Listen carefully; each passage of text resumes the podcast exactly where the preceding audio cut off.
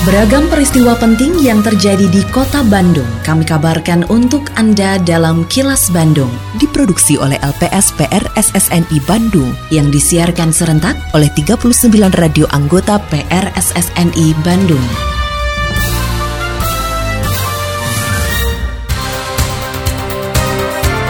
Sejumlah informasi aktual kami hadirkan untuk Anda dan inilah informasi utamanya.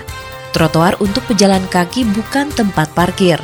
Perlu kolaborasi dalam perencanaan pembangunan. Pemprov Jabar sediakan 16.000 tiket gratis ke BIJB Kertajati. Saya Santika Sari Sumantri, inilah kilas Bandung selengkapnya.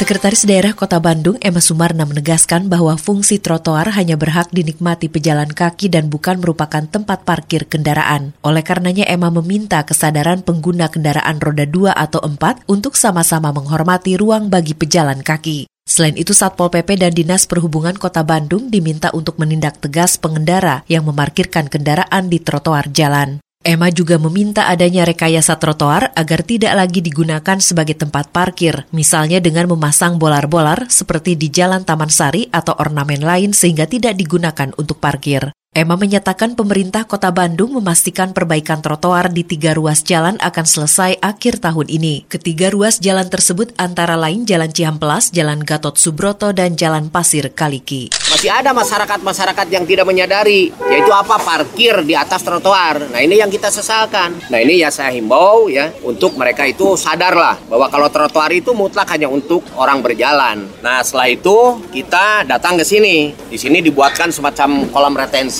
dan akan menjadi ruang publik baru bagi masyarakat di sini. Termasuk juga ini mereduksi, mengeliminir potensi-potensi genangan air. Nanti alirannya semua bisa ke sini. Sehingga nanti di sini dipasang dua sumur imbuhan yang kalau airnya meluap itu bisa ditekan ke dalam. Tapi kalau memang nanti masuk lagi di musim kemarau kan air bisa tertampung di sini. Pemerintah Kota Bandung saat ini sedang menyusun rencana pembangunan jangka panjang daerah atau RPJMD Kota Bandung tahun 2025-2045.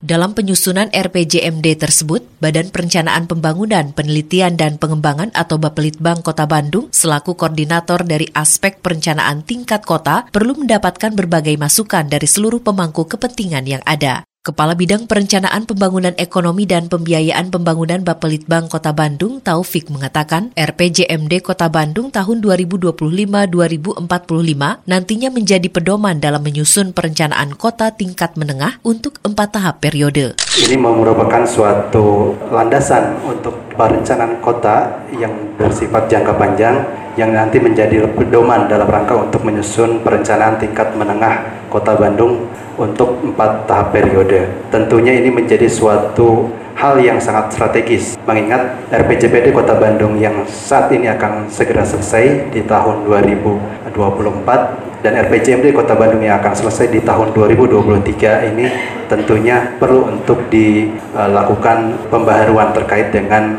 kebutuhan untuk perencanaan ke depan dan sesuai dengan amanat dalam peraturan terkait.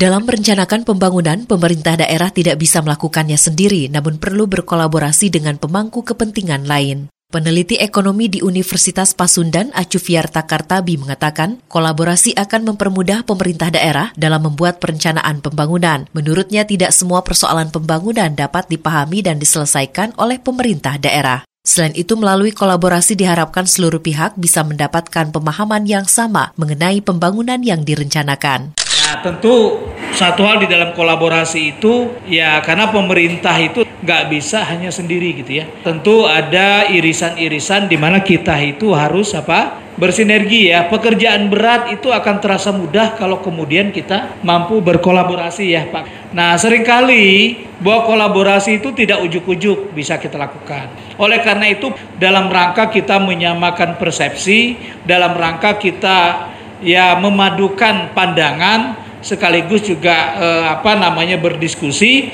sehingga kemudian kita mendapatkan ya paling tidak insight yang Hingga saat ini, Kota Bandung masih menjadi daerah terbesar kedua setelah Kabupaten Bekasi yang memberikan sumbangan terhadap pertumbuhan di Jawa Barat. Analis kantor perwakilan Bank Indonesia Provinsi Jawa Barat Kiki Sarah Amelia mengatakan ada tiga sektor utama yang mendorong pertumbuhan ekonomi di kota Bandung, yaitu perdagangan besar dan eceran, industri pengolahan, serta informasi dan komunikasi. Meski begitu, pemerintah Kota Bandung diharapkan tidak terlalu tergantung kepada ketiga sektor tersebut dalam upaya peningkatan pertumbuhan ekonomi, sehingga perlu mencari sektor lain yang bisa mendukung pertumbuhan ekonomi di Kota Bandung. Pertumbuhan ekonomi di Kota Bandung pada tahun 2022 itu 5,41 persen uh, bagus itu ya Pak dibanding kabupaten kota yang lainnya. Tiga sektor utama yang mendorong pertumbuhan ekonomi di Kota Bandung di tahun 2022 itu ada perdagangan besar dan eceran, industri pengolahan dan uh, informasi dan uh, komunikasi.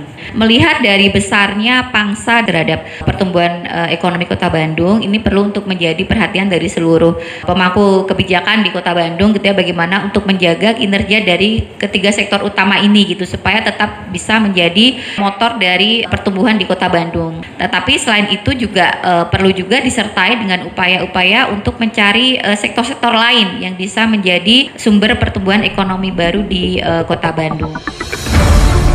Kini, audio podcast siaran Kilas Bandung dan berbagai informasi menarik lainnya bisa Anda akses di laman kilasbandungnews.com. Penumpang pesawat yang berangkat dan tiba di Bandara Internasional Jawa Barat atau BIJB Kertajati di Kabupaten Majalengka bisa memanfaatkan moda transportasi yang tersedia secara gratis. Penyediaan transportasi gratis tersebut didanai oleh pemerintah Provinsi Jawa Barat selama satu bulan promosi hingga akhir Desember 2023 mendatang. Kepala Bidang Perkereta Apian dan Pengembangan Transportasi Dinas Perhubungan Provinsi Jawa Barat, Dani Gumelar, mengatakan pemadu moda transportasi dengan tujuan ke beberapa daerah di Jawa Barat tersebut terdiri dari armada damri dan berbagai perusahaan travel ada 300 kali berapa ya? 8 perusahaan, terus ada 4.200 yang damri. Mereka rata-rata bisa menghabiskan semaksimal 15 hari lah, sampai dengan pertengahan Desember katanya. Nah nanti tahun depan kita kita mulai lagi programnya, tambahan itu lebih gede lagi, lebih lebih gebiar lagi. Mungkin untuk nanti supporting angkutan lebaran segala macam kan lebaran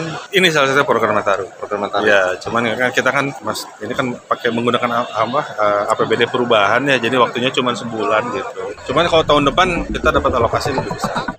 Sebanyak 16.000 tiket layanan moda transportasi gratis dari dan menuju Bandara Internasional Jawa Barat atau BIJB Kertajati di Majalengka tidak hanya bisa dimanfaatkan oleh penumpang pesawat. Penjabat Gubernur Jawa Barat Bey Mahmudin mengatakan layanan transportasi gratis tersebut merupakan bagian dari upaya promosi Bandara Kertajati. Oleh karenanya layanan tersebut disediakan untuk seluruh masyarakat yang ingin berkunjung ke BIJB. Terdapat 8 perusahaan travel swasta dan Damri yang bekerja sama dengan pemerintah Provinsi Jawa Barat untuk layanan tersebut. BI berharap dengan semakin dikenal oleh masyarakat luas, BIJB dapat terus berkembang sebagai bandara kebanggaan Jawa Barat. Transportasi uh, feeder ya feeder atau shuttle antar moda ke Kertajati dan itu sampai 30 Desember tidak dikenakan biaya. Itu jadi salah satu cara kita mempromosikan Kertajati. Untuk penumpangnya 16 ribu, 16 ribu dari Bandung beberapa titik ya. di Cirebon juga masuk Cirebon, Bandung, Purwakarta, Subang di Bandung juga ada di kebun kawung ya? Untuk kawung, untuk untuk damri. Tapi kan juga ada bukan yang swasta juga ada juga. Itu kan upaya kita meningkatkan ketertarikan masyarakat kepada Kertajati. Teknisnya ketinggal ke pakai tiket ya Pak ya, pakai tiket dan jadi teman-teman kalau mau pulang ke Bandung naik itu gratis. Kenapa e, tidak hanya penumpang? Karena masyarakat juga banyak ingin tahu tentang Kertajati. Jadi kita juga berharap promosi itu juga bahwa Kertajati baik, bagus itu juga dari masyarakat. Terima kasih Anda telah menyimak kilas Bandung yang diproduksi oleh LPSPR SSNI Bandung.